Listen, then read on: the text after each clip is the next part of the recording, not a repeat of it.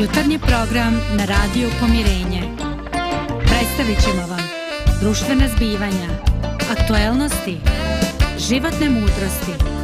Uključit ćemo i goste koji će govoriti o različitim aspektima života. Sve ćemo bogatiti dobrom muzikom. Sve to samo za vas. Jutarnji program.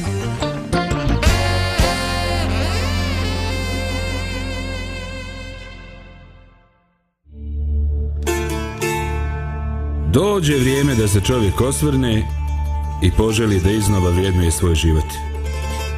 Pratite emisiju sa komšijom zdravkom.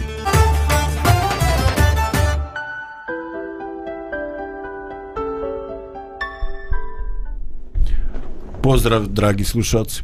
Evo, na moj radost, ponovo smo tu zajedno. E, tu je Lidija i Dragana. E, dakle, ekipa je gotovo pa kompletirana.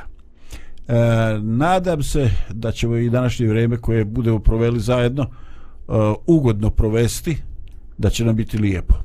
I napokon, i više od toga, da ćemo stvari o kojima razmišljamo, da ćemo od njih imati blagoslov, da ćemo imati korist. E, dakle, e, tu smo, zajedno smo i pred nama je jedno pitanje E, koje možda samo na prvi pogled čudno, a to je govori li Bog danas?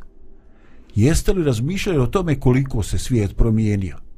I kad čitamo sve te knjige, onda nalazim izvještaje kako se Bog javlja ljudima, prorocima, ali i običnim ljudima, pa čak i maloj djeci. Čitamo kako se miješao u događaje ovdje na zemlji i kako je mijenjao tok i uticao na to ko će biti pobjednik ili gubitnik. Pitanje za danas, šta se danas dešava? Da li se nešto promijenilo? Govori li Bog i danas? Govori li na drugi način? Zašto iz naše subjektivne perspektive se čini da je to jednostavno drugačije? Da Bog čuti šta se desilo sa nama? Da li se smanjio broj ljudi koji su spremni, voljni, sposobni da čuju njegov glas. E, vjerujem e, da na mnošto pitanja imate reakcije, posebno reakcije koje su e, emotivne. E, naravno, e, ja sam danas šaljući vam e, skript onoga o čemu bi trebalo da razgovaramo, otvorio mnoga pitanja no krenimo redom. Neka na početku budu prve vaše misli prve aluzije koje imate kada ste čuli ova pitanja. Dakle iskreno vaš doživljaj.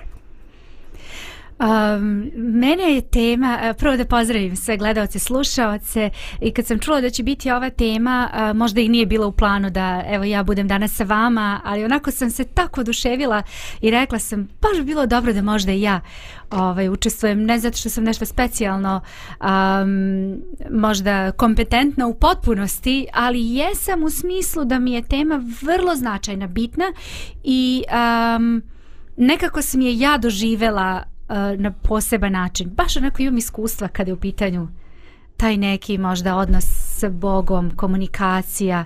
Tako da baš hvala ti, eto zdravko što si me ipak pozvao da učestvujem danas. A vas da imamo prostora za dobre ljude, to ne dolazi u pitanje. Ovaj, ja se baš znam, ne mogu reći često, ali da, nerijetko se pitam to... Uh, upoređujem znači komunikaciju čovjeka i Boga kroz vrijeme. Kako je nekad bilo kako je sad i da li je sad bolje gore isto ali uvijek je bilo perioda kada, kada se Bog nije čuo Božji glas bez obzira što je on moćan. Ali takvi su bili periodi jednostavno pa se od, od nekih dešavanja na zemlji nije čulo jednostavno i reakcije stvorenja na zemlji. Ali ovaj Bog govori kroz sve, znači ne mora samo kroz prirodu, jednostavno i nekad je govorio kroz prirodu i sad, ali, ali sad su nam razna dešavanja e, i oko nas i u našoj glavi, tako da sad ovi bar zadnjih decenija on se nešto slabije čuje. Mhm.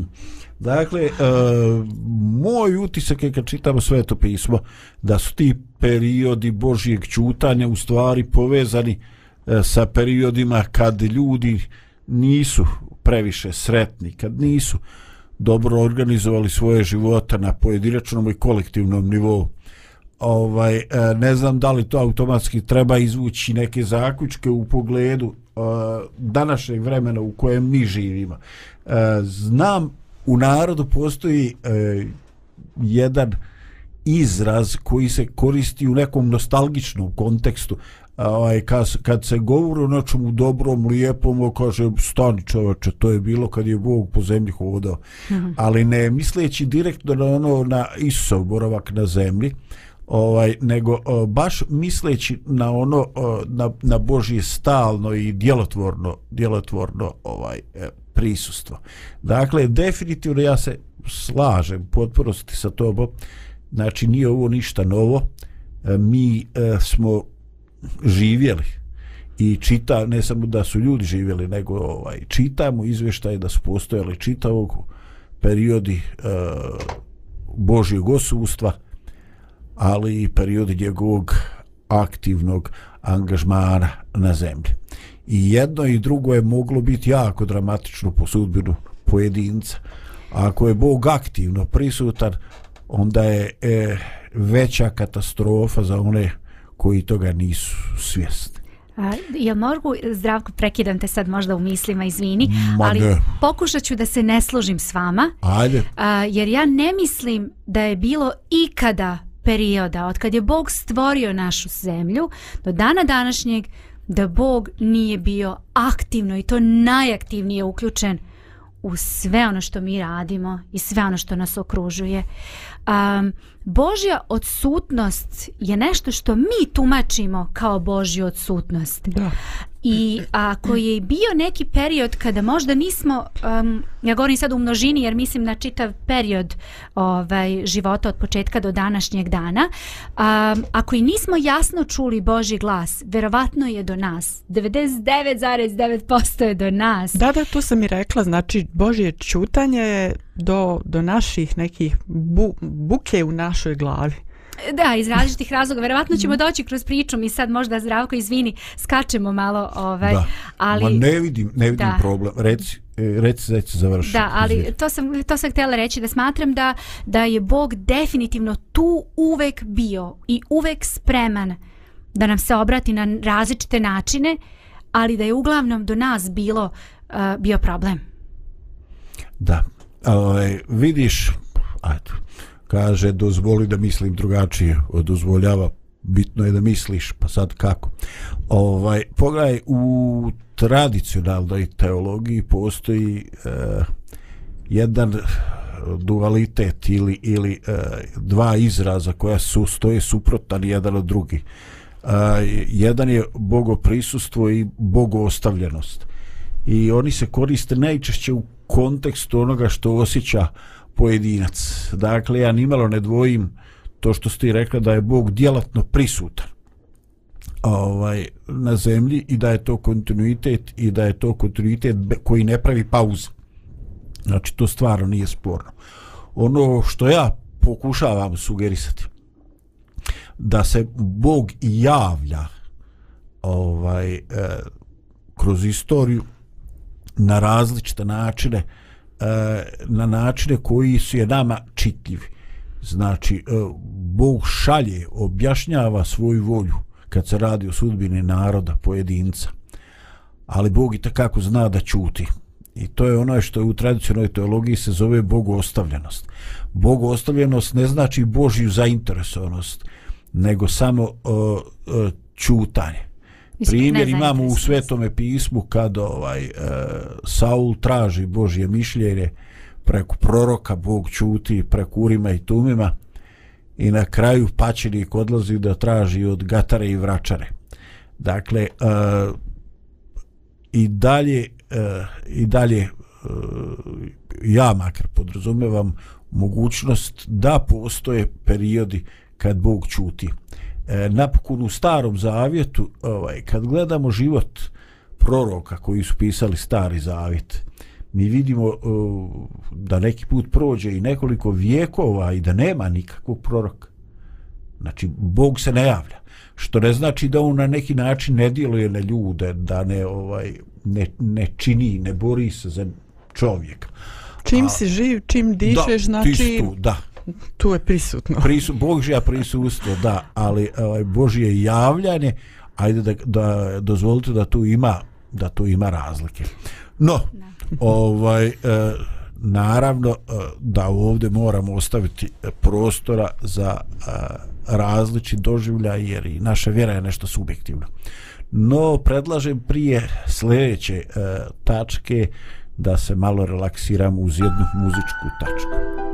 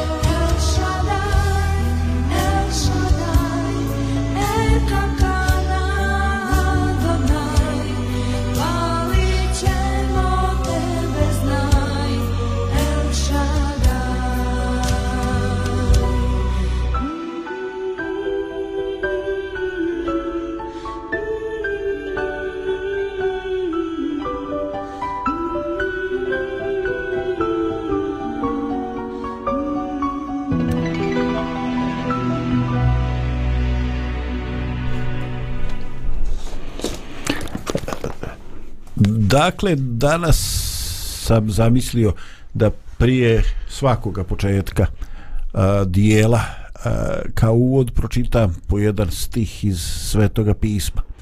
Evo, prvi koji bi trebao da bude neka ideja Vodirja nalazimo u a, knjizi Carevima u prvoj Carevima 19. glavi. A on, dakle, radi se u gospodu, a, reče izađi i stani na gori pred gospodom. I gle, gospod prolazaše, a pred gospodom veliki i jak vjetar, koji brda razvaljivaše i stijene razlavaše. Ali gospod ne biješe u vjetru. A iza vjetra dođe trus, a gospod ne biješe u trusu. I iza trusa dođe oganj, ali gospod ne biješe u ognju i iza ognja dođe glas tih i tanak. I kad to ču Ilija, zakloni lica svojim plaštom izađe i stade na vratima od pećine i glek dođe mu glas govoreći šta ćeš ti tu Ilija? Eto ja sam se potrudio da na neki način dinamiziram, da pročitam ovaj e, izvještaj svetog pisma koji ovako i te kako E, golica moju maštu. Mi vidimo da je ovdje demonstracija e, ovdje demonstracija e, sile. Dakle, imamo vjetar stravičan, pa imamo ovaj oganj, pa imamo zemljotres. Ovaj i sve to dolazi i sve je to fascinantno po svom intenzitetu. Ali interesantno kako se ove pojave dolaze i za svake postoji negacija. Ali gospod ne biješe u tome.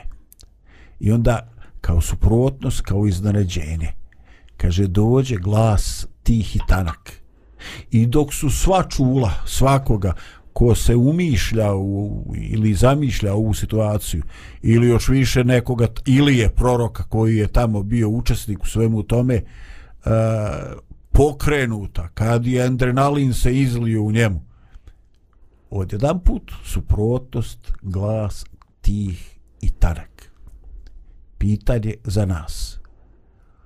Koliko smo mi u današnjem vremenu na neki način kontaminirani bukom, medijskom, emotivnom, e, bukom u prostoru e, i svemu sa svim onima što nas na ovaj ili onaj način spriječava da razvijemo naviku da slušamo tihe, suptilne glasove signala.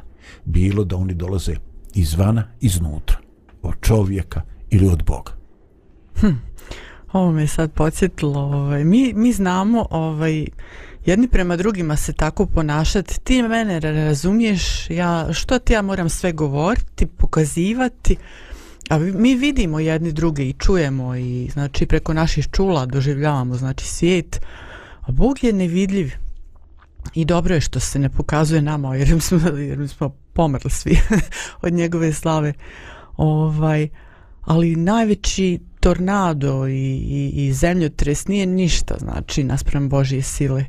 Ali mi jednostavno što se tiče tih tihih glasova pod navodnim znacima glasova, poruka, mi jedni druge ne razumijemo i ne vidimo jedni kod drugih. Recimo, supružnici znaju jedne druge, jedan drugo optuživati, ti ne razumiješ mene i tako to.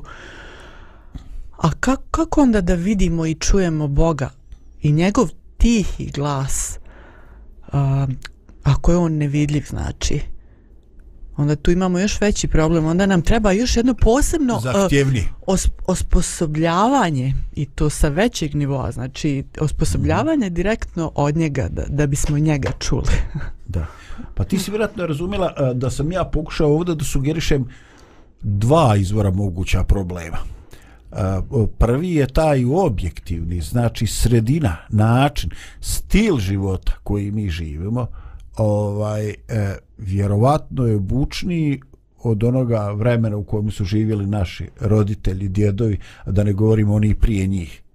Ovaj, e, I sad, pored sve te buke, koja je prisutna bilo gdje i svagde, od one bezlične buke saobrećaja, prolaska kamiona i autobusa do buke koja dolazi sa projektora, sa TV-a, sa mobilnih telefona, sa ovih televizora. Znači, mi stalno imamo informaciju, mi stalno imamo buku. Oko nas stalno neko trešti. Ljudi neprekidno pričaju. Ili, konkretno, uh, ajde sad iskreno, kad ste zadnji put slušali ništa? Kad ste zadnji put slušali tišinu? Pa, jutros. U, da, u mom slučaju recimo, da, kod tebi jutros, ja, uh, inače u mom životu muzika je skoro konstantno prisutna, ali ima perioda kad ne želim da slušam ništa. I baš želim da mi je tišina jer mi je lak, lakše da se nekako, da ja dok radim nešto, onda se skoncentrišem na to što radim i onda, znaš, pomislim, aha, čekaj, a muziku nisam upala, onda kažem, hm, najčešće mi treba, ali nekad kažem, ne, ne treba mi muzika, treba mi tišina. Baš želim tišinu jer se bolje skoncentrišem. Ali kad je Bog u pitanju, meni je fascinantno, ja eto da krenem prvo od toga, fascinantno mi je da Bog, ako verujemo da nas je Bog stvorio, a, i ako to uzmemo kao činjenicu da je Bog stvorio našu zemlju, da nas je On stvorio kao ljude, fascinantno mi je to što Bog želi da uspostavi odnos sa nama. E sad, zbog greha, zbog svega toga što je došlo kao posljedica greha mi ne možemo sada licem klicu kao što su Adam i Eva na početku da komuniciramo sa njim. Ali Bog želi i dalje da bude tu, da bude prisutan i da i dalje komunicira sa nama. E sad malo to zvuči, možda eto da, da i to kažemo, malo zvuči onako psihologija, znate kad ljudi kažu, ej, znaš šta, ja čujem glas, glas Boži. Kakve glasove ti to čuješ? Dobar, dobar ba. Da, pa to malo, ponekad ovaj može može zvučati, ali Boga čujemo na različite načine. Na različite načine imamo različite mogućnosti kako sve možemo čuti i saznati Božju volju, čuti njegov glas i pokušati da, da. njegovu volju. Vidim ja da ti ideš napred, ali ovaj ali ovaj baš nećeš da mi odgovoriš na pitanje.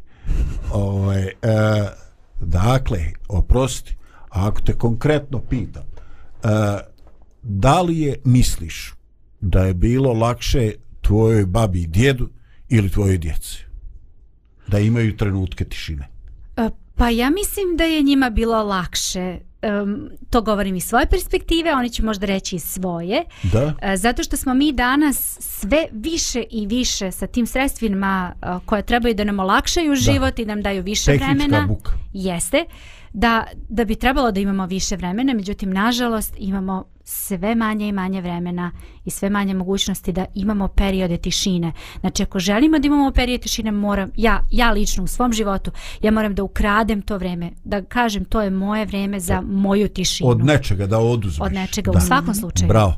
Ovaj, evo vidiš, ja ću, ovaj, interesantno po pitanjima tišine da tu imamo proturječne informacije. Ovaj, ja ću biti ovako ličan meni jako puno znači e, kad se uklone svi ovi zvukovi koji ljudi proizvode i kad imam elementarni zvuk prirode. Šta to znači mm. u praksi? To znači neko jutro ili neko veče kad se sve smiri i onda na teras ili u sobi sa otvorenim prozorom dolazi samo zvuk ptica koje pjevaju. Ili ovaj e, možda ne zvuči previše vjerovatno ali ovaj e, zvuk kiše koja pada. Jest. Ovaj e, čini onako baš sa ovaj baš kao Branko Ćopić da kažem oj krevete čuda spravo pozdravljam te zdravo zdravo kako je lijepo leći zažmiriti i slušati kišu koju, koja pada. Dakle, da vas pitam, imamo li saglasnost da je naša realnost svijet u kojem živimo opterećen, ajde da kažem i kontaminiran sa viškom buke. Da li se tu slažemo? Da, definitivno. Da? Mhm. Dobro, dakle, e, nije nam lako. No, ovaj, e, ićemo i korak dalje, naravno, prije toga još malo da opustimo. Ovaj, rekla bi Sanja kod kuće, brate, previše pričaš, pusti nam malo muzike.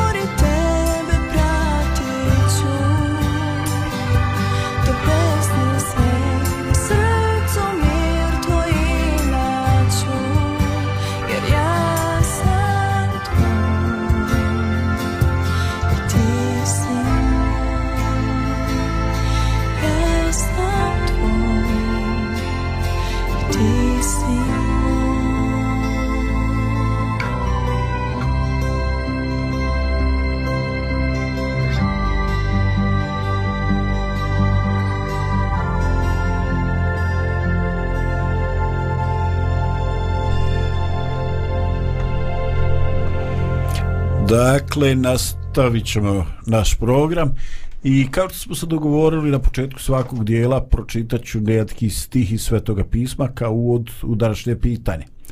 U Evanđelju po svetom uh, apostolu Marku uh, čitamo uh, pitanja koja su ljudi postavljali u to vrijeme. Nije li ovo drvodelja, sin Marina, brat Jakovljevi, Josin, Judin i Simeunov? I nisu li sestre njihove ovde među nama i sablažnjavahu se od njega.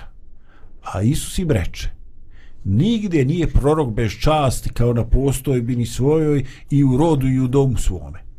I ne mogaše onda ni jedno čudo da učini osim što malo bolesnika iscijeli metnuši na njih ruke.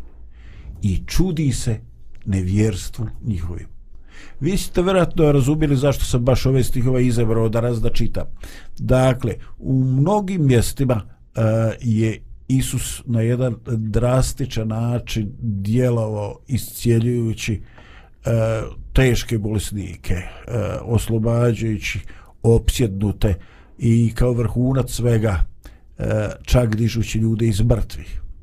No jedino mjesto gdje uh, ovakvo žestoko očitovanje moć e, njega kao poslanika Božijega, kao utjelovljenja, izostao je je bilo mjesto gdje su ljudi imali predrasude.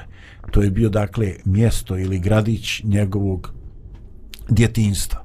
Dakle, ljudi su imali već uh, određeni stereotip. Oni su imali, odre, imali su definisano šta oni očekuju ili ne očekuju od njega. I ako se nešto nije u to uklapalo, oni nisu bili spremni e, da to prime, da jednostavno primijete, da to vrednuju na pravi način. E, dakle, na osnovu ovoga primjera, na osnovu primjera e, ljudi e, iz istom u Nazareta, e, gdje vidimo stereotipe, koliko mi danas robujemo stereotipima u doživljavanju života po vjerskim pitanjima, koliko nam sredina određuje to, e, te naše stereotipe, pa i one vjerske. E, da li je čovjek danas spreman i po koju cijenu e, da čuje Božje javljanje. Dakle, govorimo o čitavom današnjem susretu, o Božjem govoru i Božjem čutanju. I sad pitanje, stereotipi, predubjeđenja, očekivanja, da li i danas vrijedi ovo što je vrijedilo u Nazaretu? Da a, Bog ne čini čuda zato što ljudi nisu spremni da ih prepoznaju i da ih vide. Može li to biti razlog i Božijeg čutanja u vremenu ili u pojedinačnom životu? Ja mislim da može da bude razlog, ali možda ne u potpunosti. Ako kažem da, neću biti u pravu. Ako kažem ne, opet neću biti u pravu.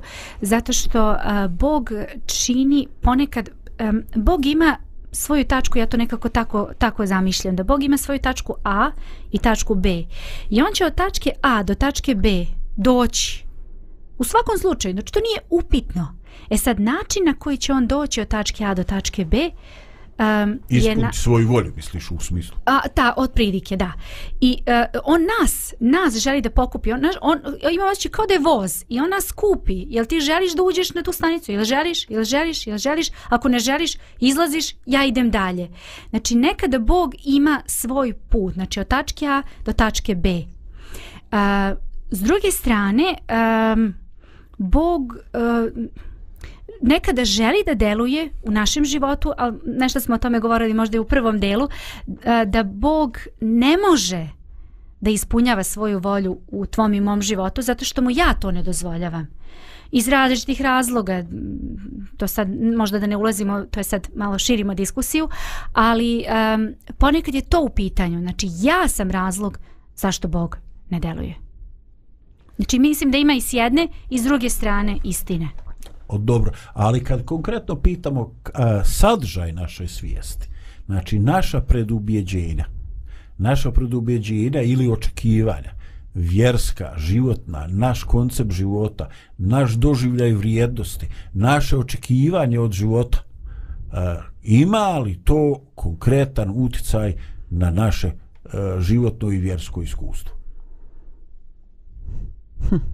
Ne znam što se ti ovim pitat, ali da. recimo ja ću ti reći ovaj svoj, svoj odgovor. Znači, predrasude su uvijek postojale, znači i prema Bogu i prema ljudima. Možeš ti biti Bog, možeš ti biti Boži prorok, možeš ti biti čovjek običan drvodjelja, možeš raditi negdje u ministarstvu, možeš ovo ono, ali mi imamo jedni prema drugima predrasude, imamo čak i prema sebi predrasude, mm -hmm imamo i prema Bogu koji je mhm. stvorio mm -hmm. čitav svemir predrasude, znači šta se to treba desiti u našoj glavi da se riješimo tih predrasuda, da se riješimo tih lanaca i tog zarobljeništva. Mm -hmm. o, pa onda mislim da ovaj mislim da se ne razumijemo i da je krivica do mene. Ajde sad da konkretizujemo stvari.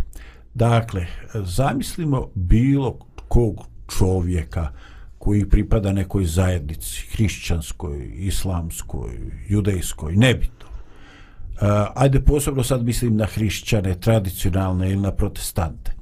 I sad zamišljena situacija.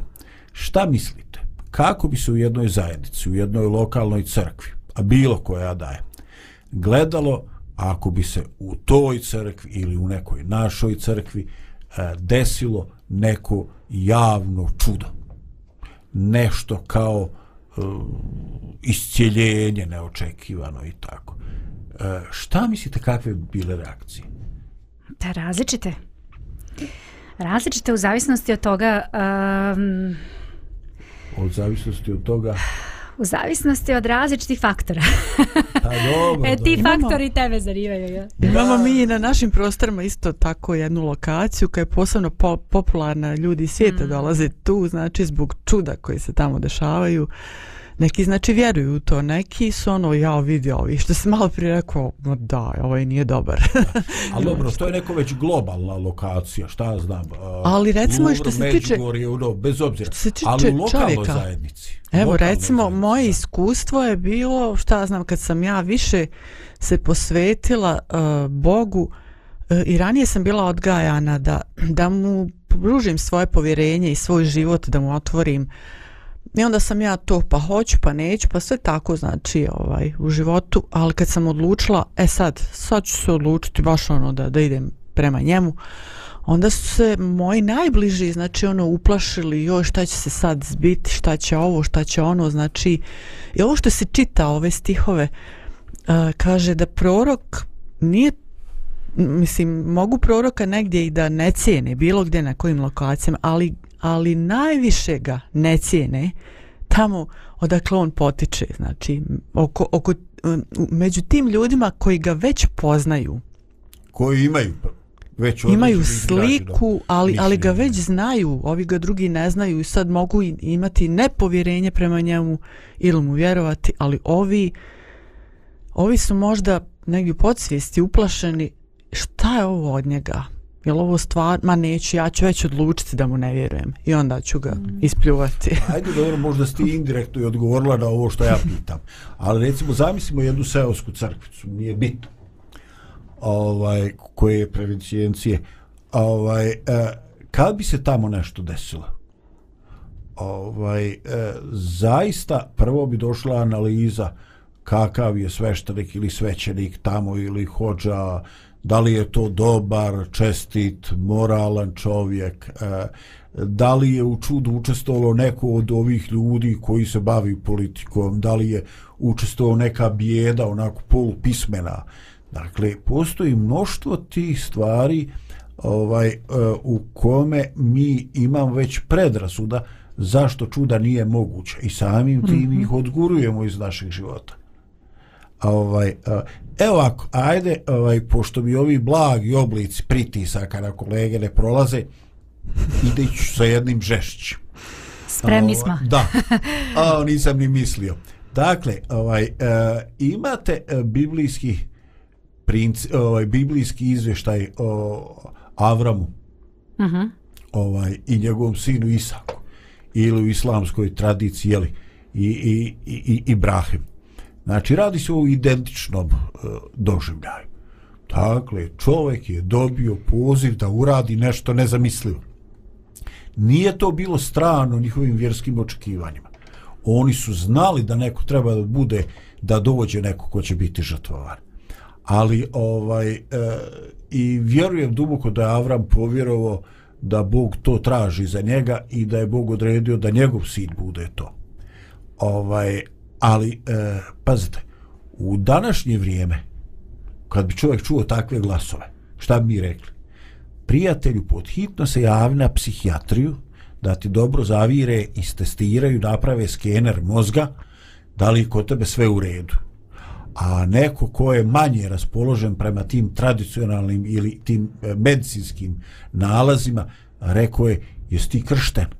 Bajo da tebe nije đavo oblado, razumiješ?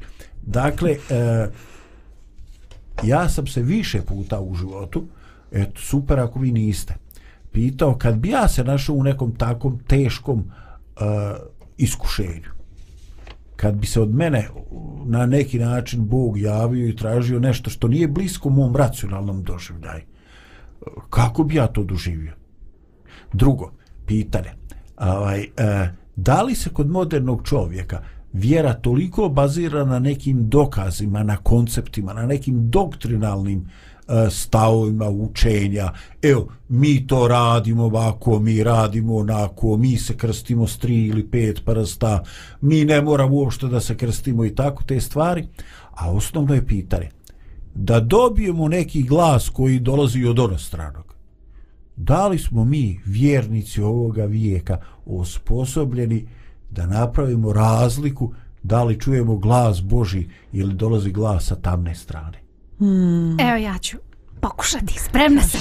Rekla sam da sam spremna. Ona je spremna, ali će pokušati. Pokušat ću, da. Pokušat ću da se odbranim. Da, da dobro odgovorim. Vidi, vidi sad, ja to da. ispada ja još ovaj predator, da. napadač. Aj, da. brani. Ti si onaj koji postavljaš pitanja. Da, ja sam da. ko odgovara. Evo da probam da odgovorim. Ne, ovako.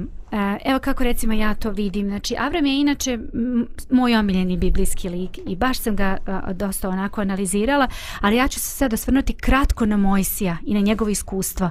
Sad možda govorimo, ne znam koliko ste vi, ovaj, naši slušajci, gledalci upoznati sa tim biblijskim tekstovima, ali kad je Bog pozvao Mojsija dok je čuvao stada, mislim da to svi uglavnom znamo taj taj primjer i on njega poziva da ide da izbavi svoj narod. I onda on njemu kroz jedan primjer, pa kroz drugi kaže ne boj se, ja sam tu, ja ću biti s tobom, izbavit ću narod zajedno s tobom, bit, ćemo, bit ću uz tebe. I sad biše parafraziram i tako kroz čitava jedno poglavlje, pa onda ulazi u sljedeće poglavlje i tamo Bog očekuje da moj se kaže dobro, hajde, ako toliko želiš, idem. Međutim, on i dalje negira, ali ja nisam, ali ja nisam, ali ja ne mogu, ali ja, i tako dalje, i tako dalje. I onda šta Bog čini? Bog tek onda čini čudo to je da, da mu kaže stavi s ruku svoju nedra, izvadi ruku, ona postaje gubava, ponovo je kaže vrati nazad, on je vraća i ponovo je vadi i ona postaje čista. I još nije ni to dovoljno, nego kaže baci svoj štap i on postaje zmija. I onda kaže ponovo ga uhvati i on, on će ovaj ponovo. Znači dva, tri iskustva on njemu daje i kaže kad odeš kod faraona, treće iskustvo je iskustvo sa, sa krvi koja se dogodila, znate ono kad je reka postala crvena. I kaže to će se tek dogoditi, ali video si dva čuda, evo ti i treće sreće. Tako da ja mislim, a, a se sad vraćam na, na Avrama. A, Avram nije Uh, Avramovo iskustvo sa Bogom nije bilo prvi put doživljeno tada kada je čuo da on treba da ide i da žrtve svog sina. Znači, Avram je svoj put sa Bogom krenuo mnogo, mnogo, mnogo, mnogo ranije. I on je jasno znao da prepozna Boži glas. Jasno je znao da prepozna Božju poruku. Kako je znao? Pa zato što je grešio više puta. Znači više puta nije učinio kako treba. Griješio sam i ja, a nisam siguran da bi prepoznao od koga dolazi glas. Ali on je znao. A on, je znao. on je bio siguran. A znamo li ti i ja? E, to je sad pitanje. je li pitanje? Da, to je sad pitanje. Znači, koliko smo mi spremni da izdvojimo vreme sa Bogom, da slušamo pažljivu moru svih glasova koje čujemo, da slušamo Boga. A to nije ništa teško, ništa komplikovano. Bog želi da bude deo naših svakodnevnih iskustava i Bog želi da rastemo u tim iskustvima. Pa ćemo možda jednog dana biti u situaciji da doživimo, možda ne tako, jer je to ipak bilo drastično iskustvo, ali ćemo možda doživjeti i nešto krupnije što će baš biti onako za priču, što se kaže. Ti si rekao ovaj, tu riječ vjernici, spomenuo se, a, nažalost većina vjernika je to samo po imenu, Znači, i što se tiče religije, više prema religiji nego prema duhovnosti, znači povjerenje prema Bogu. A, I to je naš problem, zašto u mm. stvari ne vjerujemo. Za, jednostavno smo preuzeli eto, tra, tradiciju, tako ću ja, kako, kako većina, tu ću ja ići. Dakle, deklarativna pripadnost, identifikujemo se, ali nemamo neke... Uh, I onda zato i nemamo želju to što ti kažeš Lidija, da, da, mm. da idemo da posvetimo vrijeme Bogu, da, da mu poklonimo to svoje povjerenje, da vidimo šta on može da učini za, za mene lično, pa i za ostalo. Mm -hmm. Pa ne znam, ne znam što da vam kažem. Ovaj, nisam do, do kraja sretan sa onim što dobacujemo zajedno. Ovaj, naravno, ne ništa od toga što vi kažete da se ja ne slažem. Ja se slažem sa svim ali nije A ti nije dovoljno. Dosta, nije mi to dovoljno. Nije mi da mi napravimo jednu pauzicu. Da, a da napravimo jednu pauzu da bi ja malo svoje frustracije išao.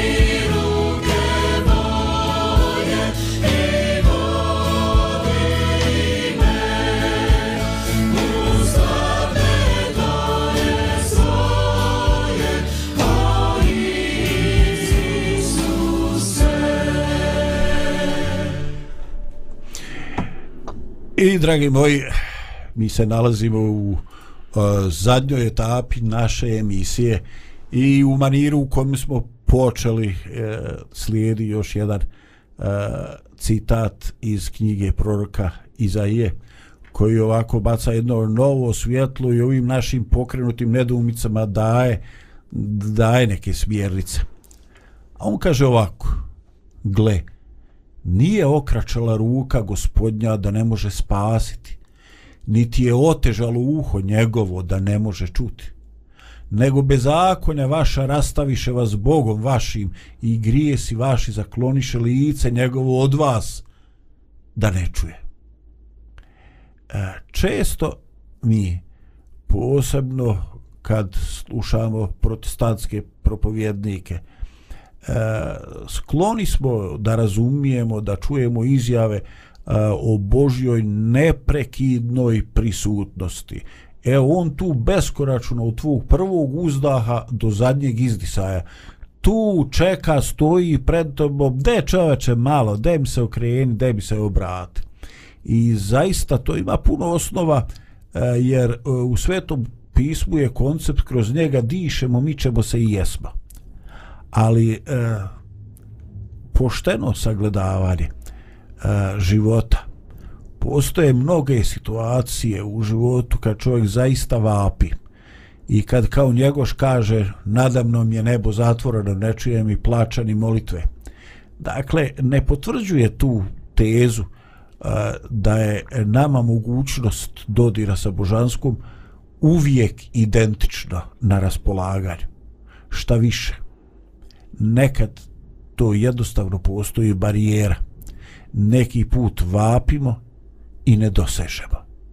A priča u kojoj je sva odgovornost na meni, eto ti nećeš, a to ti je lako, bojim se da ne stoji, zato što nije potkrepljena životom.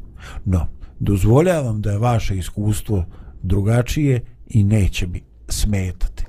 Dakle, kad govorimo o ovome e, da određeno zlu u čovjeku zaklanja lice Božije od nas, da nas ne čuje, e, da li mislite e, da se nešto promijenilo? Da li je svijet suštinski e, bolji ili lošiji?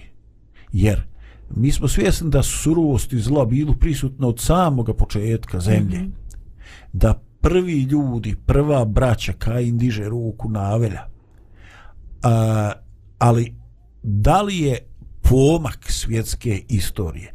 Da li civilizacija ide ka boljem ili ka gorem kad govorimo o njenoj sposobnosti da sluša, da se oboži, da čuje glas Boži i da prilagođava svoj pojedinačni i društveni život s tim u skladu napredujemo li ili nazadujemo. Kratko, bez, bez okolišanja Lidija, molim te gdje si? Tu sam, tu, tu sam. sam. I, uh, Evo, neću da okolišem, odmah ću reći. Odmah reći. Ja imam osjećaj da nazadujemo. Da, nazadujemo zbog morala. Pogledajte, moral u društvu danas i moral pre samo 100 godina, recimo. Ja mislim da nazadujemo. Nažalost, moram reći.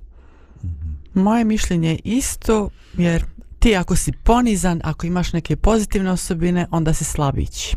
To većina bar vjeruje. Znači moraš biti neki onako nemilosrdan da bi ko fol napredovao u nečemu zapravo propadaš i nazaduješ. Mm. Mm -hmm. Tražio si kratke odgovore, možemo sad dugo o tome, ali... Jake odgovore. da, da, da, vidiš, ovoliko, ovoliko uh. sam žestili se, nisam nadao. Eto, sam ti provociraj ženski svijet, pa se onda nađeš u Belaju u kojem se zdravko nađe. Eto, ovaj, da. E, dakle, šta je to u životu što nas ljude čini gluvima za Boži glas, a Boga šutljivim?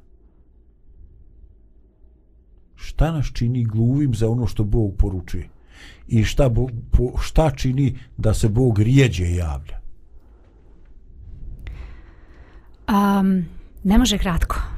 O, pa, čitao sam vam čitao sam vam i nisi zapamtila. Sve sam ja Nego zapamtila. vas, vaši pa grijesi bez zakon lice njegovo od vas Ali to je šta šta to konkretno znači, zna? To znači konkretno ovaj e, kada se pojavi neki divlji pas, divlji ili, ili agresivan pas u dvorištu, onda sam ja baja koji to rješava. Ali kad se ispod terase pojavi crknuti miš ili pacov, onda sam ja bespomoćan jer hoću da mi crijeva izađu od užasa, onda tu opasnu operaciju preduzima Sanja. Jer ona ima dovoljno želuca da tog miša stavi na lopatu i onda se A ja umrijeti e, i radije se sukobiti sa onim džukcom, dobermanom, ovaj, sa štapom u ruci, ali crknutog miša savladati ne mogu, jer povrati. E, taj, taj detalj nismo znali eto sad da, si onako sad otkrio oružje, sebe. oružje je moj slabost da, da, da. Mene, da. kaže napadnite ga crknuti mišem s nečim što za udara dakle e, očito je da određeni e, duševni smrad odguruje milost Božju i čini čovjeka e, gluvim za one poruke koje su tu. E, kako kažu umjetnost i ljepota su u oku posmatrača. posmatrača. Da, ja se zaista, Lidija, nemoj da ostavim pogrešan dojab, slažem s tobom, da su e, Božije djelovani i pozivi na ovaj ili onaj oblik, kao što kaže Dragana, konstanta. Ali naša sposobnost da percipiramo, da uočavamo i da se odazivamo su jako promjenjivi u toku našeg života. Tako, makar ja sam e, doživio. Eto, ostalo je još jedan e, dio koji moramo da završimo ovaj i zato poslušajmo još malo muzičkog opuštanja.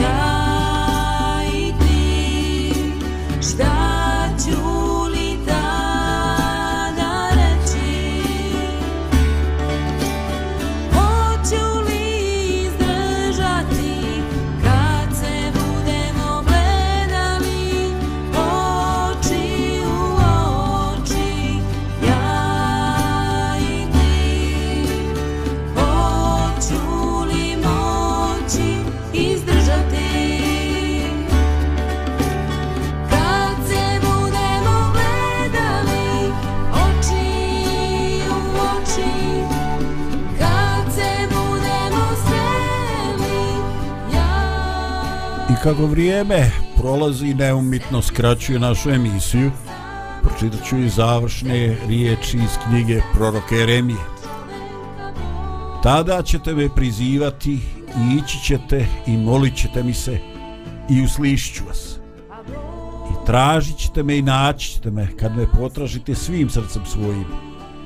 I daću vam da me nađete govori gospod želio bih na kraju da vas sve pozdravim svoje koleginice ovdje iz studiju i da kažem da ono što je sigurno iz ovoga stiha intelekt nije dovoljan da osigura našu spoznaju. Kad bi da intelekt bio dovoljan Lucifer nikada ne bi pao na nebo. Ovdje je spomenuto nešto drugo. Dobit ćete odgovor dobit ćete uslušenje na vaše molitve kad me ustražite svim srcem svojim. Dakle, ne samo razum. Čitavo naše biće treba zavapiti. Treba se otvoriti. I Bog koji stvarno uvijek tu okrenit će lice sad prema nama i bit će sa nama. Želim da to bude vaše i moje stalno i neprekidno iskustvo. Lijep pozdrav iz studija pomirenja.